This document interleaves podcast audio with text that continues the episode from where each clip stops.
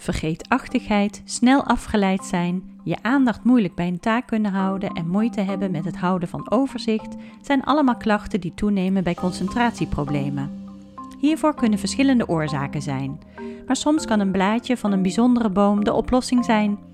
Natuurgeneeskundig therapeut Bas ten Velde legt het uit. In de Chinese geneeskunde wordt al duizenden jaren een geneeskrachtige boom gebruikt die echt uniek is in zijn soort. Want het is geen loofboom, zoals bijvoorbeeld een berk of een eik, want het blad heeft geen nerven.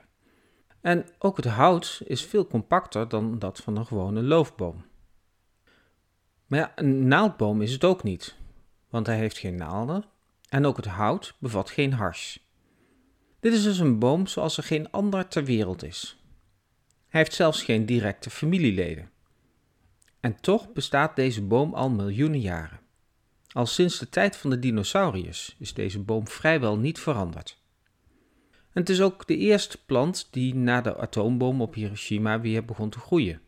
Het is dan ook geen wonder dat de Japanners dit een heilige boom vinden, die symbolisch staat voor onveranderlijkheid, liefde, toewijding, maar ook voor veerkracht, hoop en vrede. En het mooie van deze boom is dat hij vrijwel overal kan groeien, ook hier in Nederland. Hier wordt deze boom steeds populairder. Niet alleen omdat hij er schitterend uitziet, maar ook vanwege zijn geneeskrachtige werking. En de vruchten van deze boom, een soort nootjes, die zijn overigens heerlijk. Wil je die nootjes zelf kweken? Dan zou ik hem nu maar vast planten, want het kan wel 30 jaar duren voordat die boom vrucht gaat dragen. Maar goed, gelukkig hoeven we niet op de vruchten te wachten, want het blad bevat de grootste geneeskracht. En die kun je al heel snel oogsten. Het is dus een unieke boom. In uiterlijk, geschiedenis en zelfs de naam is uniek. In heel West-Europa heeft deze boom dezelfde naam.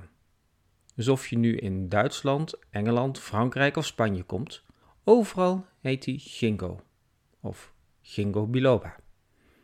De naam is deels afkomstig uit Japan. Deze boom heeft namelijk kleine zilveren vruchten die doen denken aan een abrikoos. En kin is het zilver en xingo is abrikoos op zijn Japans. Zilverkleurige abrikoosjes dus. En biloba, dat is afgeleid van de vorm van het blad. Biloba, twee lobben waren alle naamsaanduidingen van planten maar zo voor de hand liggend. Goed. Volgens de TCM, de Chinese geneeskunde, is de belangrijkste werking van het blad van de ginkgo-boom het activeren van bloed en ademhaling verbeteren bij kortademigheid. Maar hij kan ook helpen bij druk op de borst en slijm in de longen. Het verbeteren van de symptomen van kortademigheid, doorbloeding en druk op de borst, die hangen voor mij voor een groot deel met elkaar samen. Dat is eigenlijk één mechanisme. dat zal ik zo uitleggen. Want in de westerse fytotherapie wordt de ginkgo vooral ingezet om doorbloeding en de kwaliteit van de haarvaten te verbeteren. En ook om hersenfuncties zoals concentratie, coördinatie en geheugen te verbeteren. Dus zowel in de TCM, de Chinese geneeskunde, als in de westerse fytotherapie wordt vrijwel hetzelfde tegen die werking van de ginkgo aangekeken.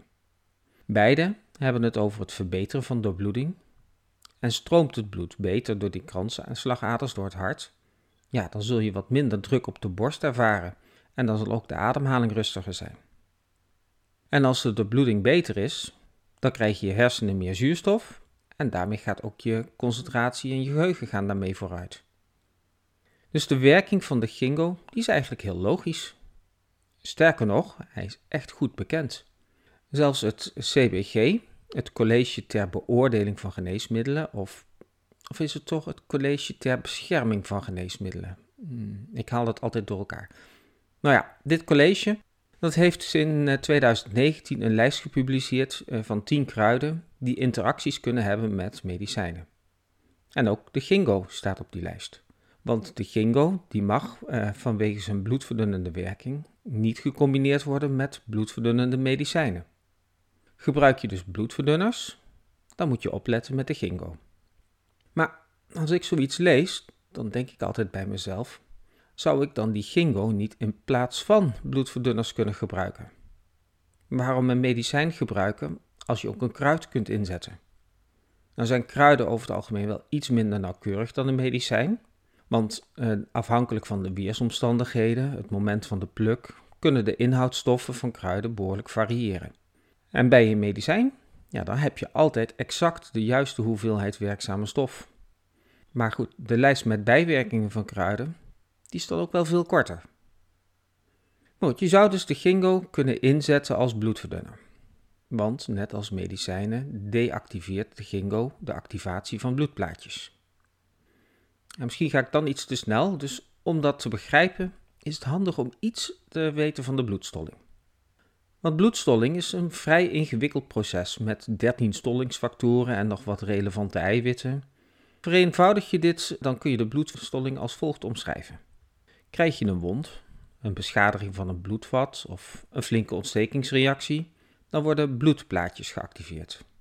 Deze bloedplaatjes die geven kleine deeltjes af, waardoor het oplosbare stollingseiwit, fibrinogeen, geactiveerd wordt en er niet oplosbaar fibrine ontstaat. Het fibrine en de deeltjes van die bloedplaatjes, dat is wat het bloed dikker, viskeus en plakkerig maakt, waardoor ook een wond dichtgaat. De bloedstolling, dus het dikker worden van het bloed, start vanuit de activatie van die bloedplaatjes.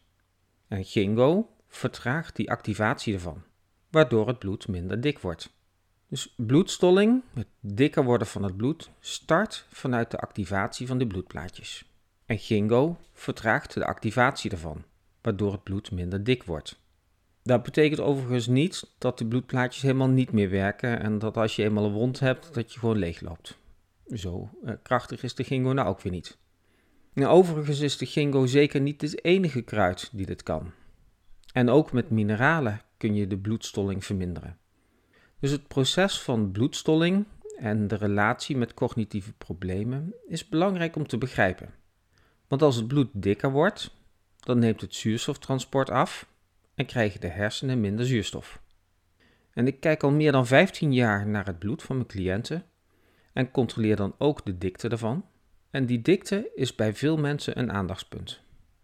Sterker nog, bij de meeste mensen met langdurige lichamelijke klachten is de viscositeit van het bloed toegenomen.